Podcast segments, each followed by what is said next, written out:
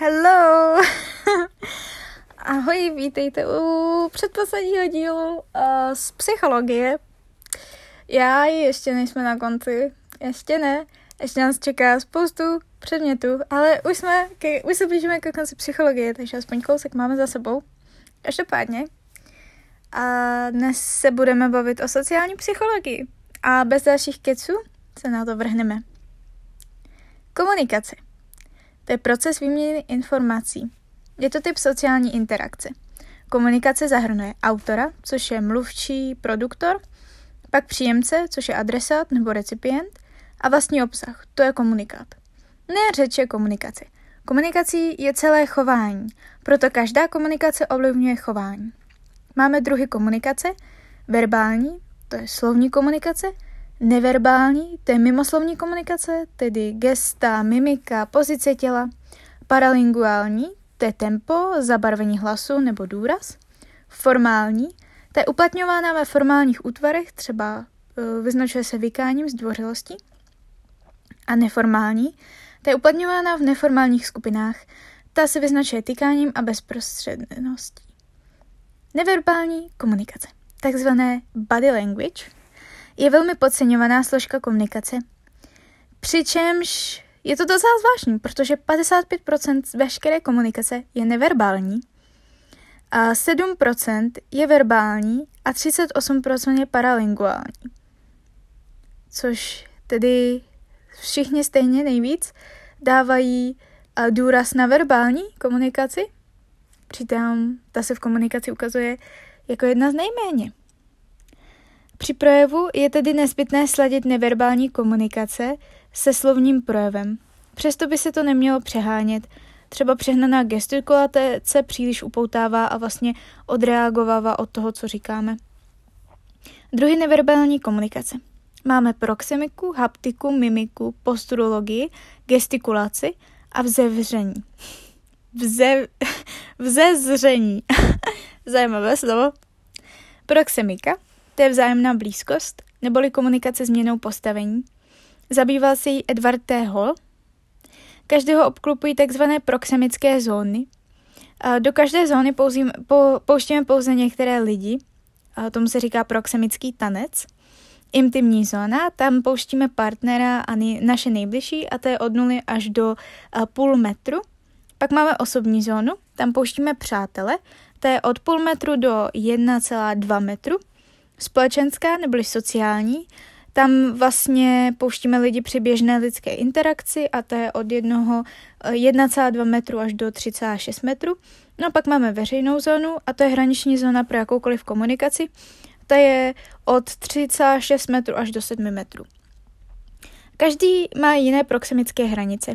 Lidé z vesnice mají obecně větší než lidé z města. Haptika, to je komunikace dotýkáním, třeba Pohlazení jako projev útěchy nebo lásky. Mimika, to je komunikace stahy obličejových svalů, třeba když se zamračíme, když se nám něco nelíbí. Posturologie, tak to se také říká posturika, je to komunikace postojem. Náš postoj napovídá, jaký zaujímáme vztah k ostatním účastníkům diskuze. Může být uzavřený, otevřený, lhostejný, a třeba, že si skřížíme ruce na prsou. Gestikulace, to je komunikace prostředním naučených gest. Gesta získáváme v procesu socializace, pouze minimum jsou naše typická. Typy mezilidské komunikace. Máme informační komunikaci, ta oznamuje, doplňuje, prohlašuje a rozkazuje a má informační funkce. Instrukční komunikace, ta poučuje, instruuje, dává návod, zasvěcuje, ta má instruktážní funkce. Přesvědčující komunikace, ta získává, ovlivňuje a manipuluje, to je takzvaná persuasivní komunikace. Bavící komunikace ta rozveseluje a rozptiluje a má zábavnou funkci. Složky komunikace. Syntaktická složka to je zkoumání funkčních kanálů, kapacity komunikace a jazykových jevů. Semantická složka ta zkoumá význam slova a rozlišuje interpretace příslušného výrazu produktorem. Ještě jednou produktor je tedy autor neboli mluvčí. Pragmatická složka ta zkoumá rozbor porozumění produktora a recipienta – tedy toho mluvčího a adresáta, neboli toho, kdo vlastně přijímá. Atribuce. Atribuce je proces přisuzování příčin lidskému chování. Chování můžeme přišknout buď vnitřní nebo vnější příčině. Vnější příčiny to jsou tzv. situační příčiny a je to vliv okolí, tedy třeba společenské normy, počasí nebo peníze. Vnitřní příčiny to jsou tzv. dispoziční příčiny a to jsou vlivy působící zevnitř, třeba hodnoty nebo postoje. Tak, máme tady příklad. Kamarád vyzradil své přítelkyni spolužákovou tajemství. Pokud si myslíme, že to tak učinil, protože je nespolehlivý, jedná se o dispoziční příčinu. Pokud si myslíme, že tak učinil, protože byl oslněn její krásou a líbezným hlasem, jedná se o situační příčinu. To dává smysl. Základní atribuční chyba. Lidé mají tendenci podceňovat situační vlivy. Když bychom byli v roli kamaráda, tak si myslíme, že bychom tajemství nikdy neprozradili. Ovšem okolnosti situace jsou silnější, než si myslíme. Když vidíme na úřadu křičícího člověka na úředníka, tak si myslíme, že bychom nebyli schopni podlehnout tlaku. To byly příklady té atribuční chyby, kdyby to někdo nepochopil. Postoje. Postoje máme pozitivní nebo negativní a jsou tedy hodnocením a reakcí jedince vůči nějakému aspektu světa. Postoje mají tři složky, afektivní, kognitivní a behaviorální. Afektivní, ty se projevují pocitově, jsou to předsudky, třeba, že nemám někoho rád. Kognitivní, ty se projevují myšlením, jsou to stereotypy, třeba on je úplně neschopný, a behaviorální, projevují se chováním, je to diskriminace, třeba nechci vedle někoho sedět ve škole, protože něco. Tak a teď už se dostáváme k vlastně experimentům, které se váží k různým vlastně pojmům, které si i vysvětlíme. A rovnou si i řekneme, jak vlastně v čem spočívaly ty experimenty. Takže jako první tady máme pojem kognitivní disonance, což, je nepříjemné, což jsou nepříjemné pocity či vnitřní napětí způsobené nesouladem dvou kognic. Kognice je tedy souhrn věmu, myšlenek, postojů a přesvědčení, které formují naše vnímání světa. Chování člověka není v souladu s jeho postojem dané věci jeho hodnotami.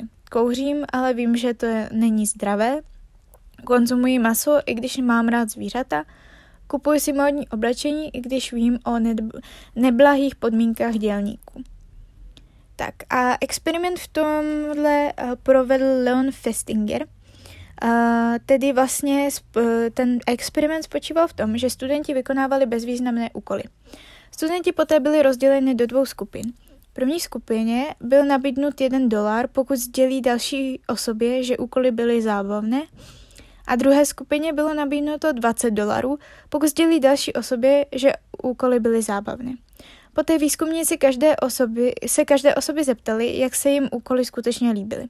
První skupina prohlašovala, že to vlastně byla celkem zábava a druhá skupina prohlašovala, že je to nebavilo.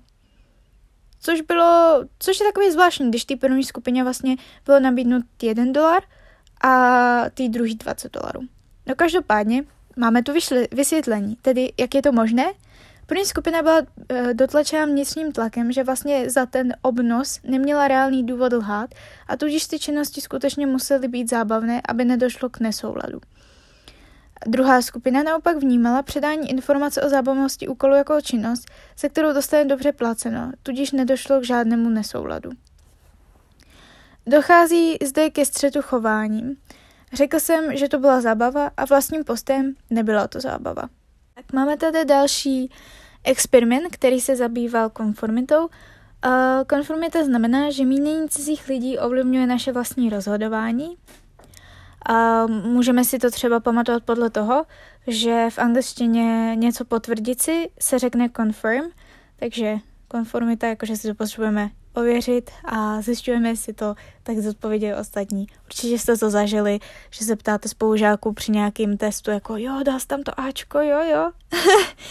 Každopádně, experiment na tohle téma udělal Solomon Ash, o kterým jsme se bavili, do laboratoře byla pozvána skupina lidí, která měla porovnávat délku různě dlouhých čar. Cílem bylo určit, které z nich jsou totožné.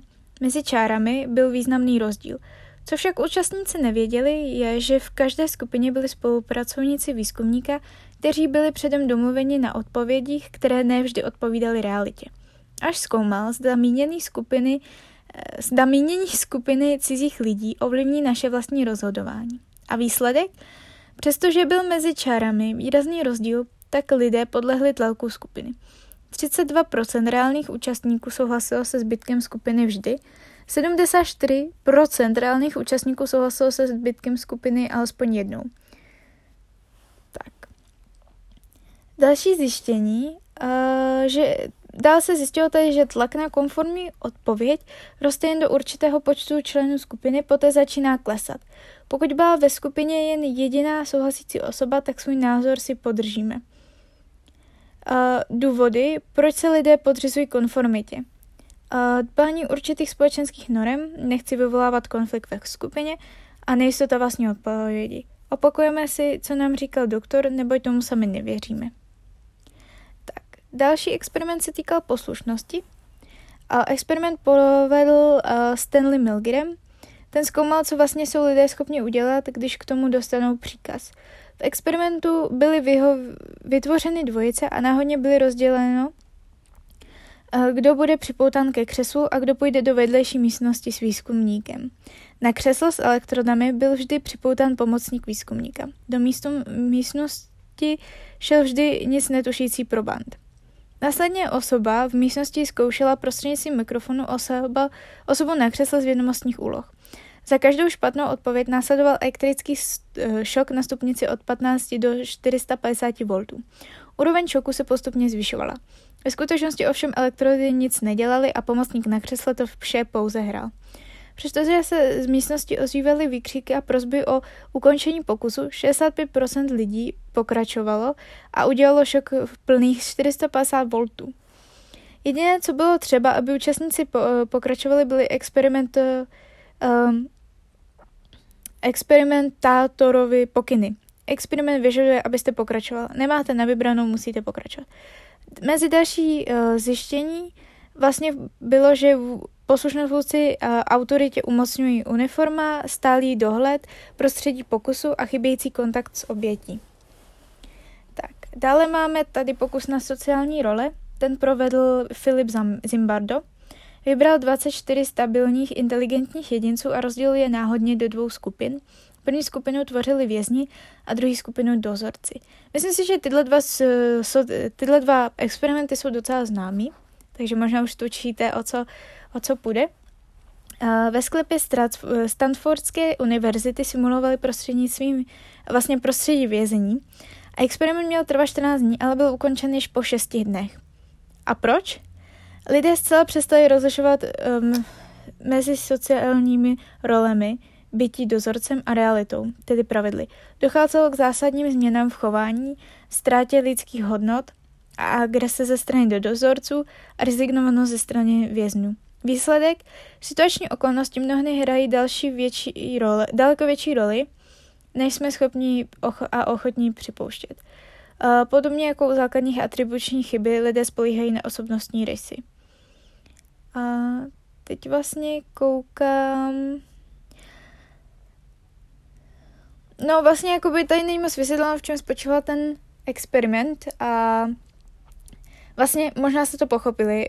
Basically vytvořili v té univerzitě vězení a vlastně měli simulovat to, jak funguje vězení, jenomže se potom ti lidé nechali uníst a vžili se tak moc do těch rolí, že museli předem ten experiment ukončit, protože se to zvrhlo a dozorci začali být hodně krutí a ti vězni byli takový rezignovaní a vlastně nechali se i být a tak, takže to nebylo úplně příjemný. Takže tak. No a potom tady máme další pojem, uh, difuze zodpovědnosti. To je rozptyl zodpovědnosti neboli efekt přihlížejícího. Nešlo o experiment, nebo o situaci z roku 1964, která se odehrála v noci v New Yorku. V noci před svým domem byla napadena Kitty uh, Genovesová, to je taky docela známá věc, která se v psychologii omíla, takže možná už víte, o co go. A útočníkovi se bránila, ale nakonec byla ubodána nožem. Několik desítek lidí její volání slyšelo a situaci pozorovali z okna. Na pomoc však nikdo nepřišel a na policii téměř nikdo nezavolal. A proč? V rámci skupiny lidé, lidí dochází k rozdělení zodpovědnosti. Každý si řekne, že policii zavolal už ten druhý a výsledkem je, že ji nezavolá nikdo. Což je za problém? ale stává se to docela často a je to smutný, ale na druhou stranu je to prostě jako nenormální, ale ale když se na tím člověk zamyslí, tak vlastně vy byste taky měli pocit, že zavolal už někdo jiný tu policii, protože tak to prostě je, takhle to funguje. No, každopádně si teď eh, zopakujeme ty pojmy a ty eh, experimenty. Takže první jsme měli kognitivní disonanci, to jsou nepříjemné pocity či vnitřní napětí způsobené nesoulady dvou, eh, dvou kognic. A to jsme vlastně měli ten experiment, který provedl Leon Festinger a byl, ten, byl to ten experiment, jak byly dvě skupiny lidí, a udělali bezvýznamný úkol a jedna skupina dostala jeden dolar za to, že řeknou, že to, že to bavilo a druhá skupina dostala 20 dolarů za to, že aby řekli, že to bavilo. Vlastně první skupina s tím jedním dolarem, pro, dolarem prohlašovali, že je to bavilo a druhá skupina s těma 20 dolarama prohlásila, že je to nebavilo. Potom jsem měl experiment na konformitu, a tam vlastně mínění cizích lidí ovlivňuje naše vlastní rozhodování a tam byl experiment s těma čárama, eh, který provedl Solomon Ash. A bylo to vlastně, když se lidi nechali strhnout davem a odpovídali na základě uh, skupinového názoru. Pak jsme měli vlastně experiment na zkus eh, poslušnost, který provedl Stanley Milgram a tam vlastně to bylo s těma elektrošokama, kdy na elektrickém křesle seděl uh, vlastně uh, člověk, který patřil do uh, týmu těch experimentátorů a uh, vždycky ten um, účastník toho experimentu uh, dostával pokyny, aby zvyšoval uh, ty elektrošoky a vlastně většina osob to dotáhla až na těch 450 voltů. No a potom poslední experiment je teda experiment na sociální role od Filipa Zimbarda a to bylo to vězení v tom eh, Stanfordu, v té univerzitě. No a poslední tu máme tu difuzi zodpovědnosti a to je ten úkaz z toho roku 1964, kdy byla zavražděna Kitty Genovesová v New Yorku a kdy vlastně se potvrzuje takový to, že mám pocit, že někdo zavolal policii, i když uh, ji nikdo nezavolal, protože všichni mají úplně stejný pocit. No a teď se podíváme na poslední část eh, tady ze sociální psychologie a to jsou faktory pro hodnocení. A budeme si vlastně říkat nějaký další pojmy. Jako první máme halo efekt. A při poznávání se necháváme u nás prvním charakteristickým rysem, třeba že galantní politik bude i schopný. První dojem to je takzvaný efekt primarity, efekt pořadí nebo efekt primárnosti. Na formování dojmu mají větší vliv rysy zaznamenané jako první. Když potkáme člověka, který je melancholický, úzkoslivý a negativní, tak ho za takového považujeme už trvale. A logická chyba.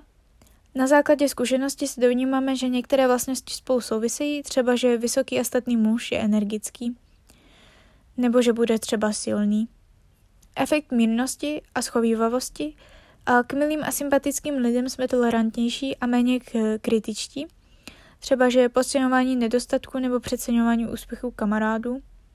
Efekt sociálního postavení. Při znalosti sociálního postavení usuzujeme na další uh, vlastnosti, třeba že právník bude určitě spolehlivý.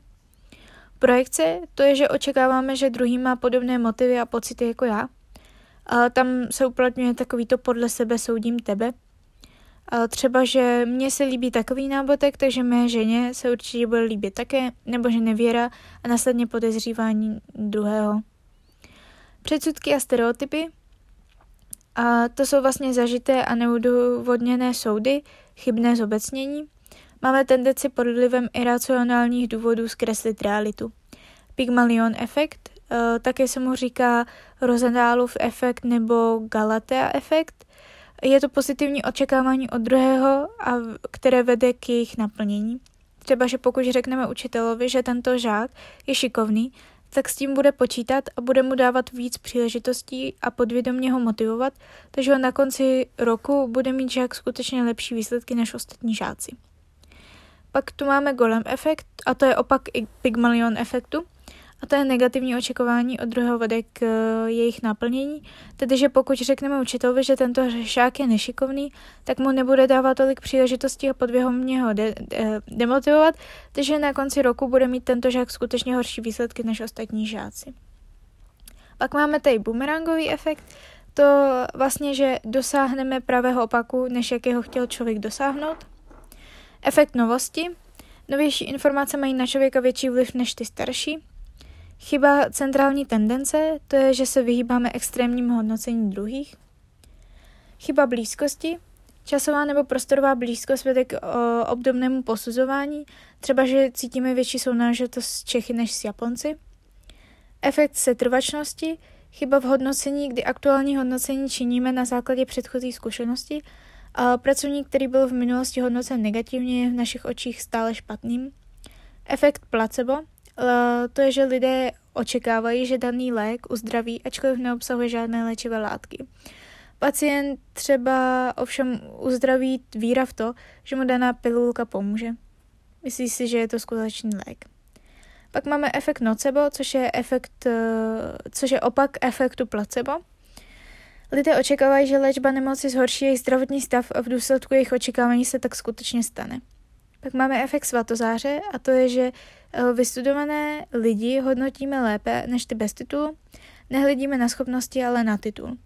Právník je tady schopnější než prodavačka v obchodě podle uh, tohohle efektu. Efekt kukačího vejce. A to je tendence hodnotit člověka, který neustále v opozici nebo má s něčím problém negativně. Pak máme e- percepční obranu. Člověk si připouští pouze ty věmy, které mu nenaruší jeho obraz světa a jsou v souladu s jeho vyhodnocovacím rámcem. No a to bylo vlastně všechno pro sociální psychologii. To podle mě nebylo vyčerpávající a myslím si, že uh, experimenty byly zajímavé, rozhodně lepší než uh, psychologické jevy. No a čeká nás uh, poslední epizoda, a která se bude zabývat psychopatologií, která bude fajn. A ta psychopatologie je poměrně krátká, takže, takže to budeme mít sfouklý hned. Vlastně psychopatologie má, myslím, že jenom 10 stránek a nejsou to celý A4. A mám to tady tak zvláštně naskenovaný v počítači, takže to bude, bude to fajn. Já se na tu psychopatologii těším a pak, pak už se vrhnu na sociologii, to bude taky zajímavá. Tak jo, tak se mějte hezky a uslyšíme se u psychopatologie. Čau!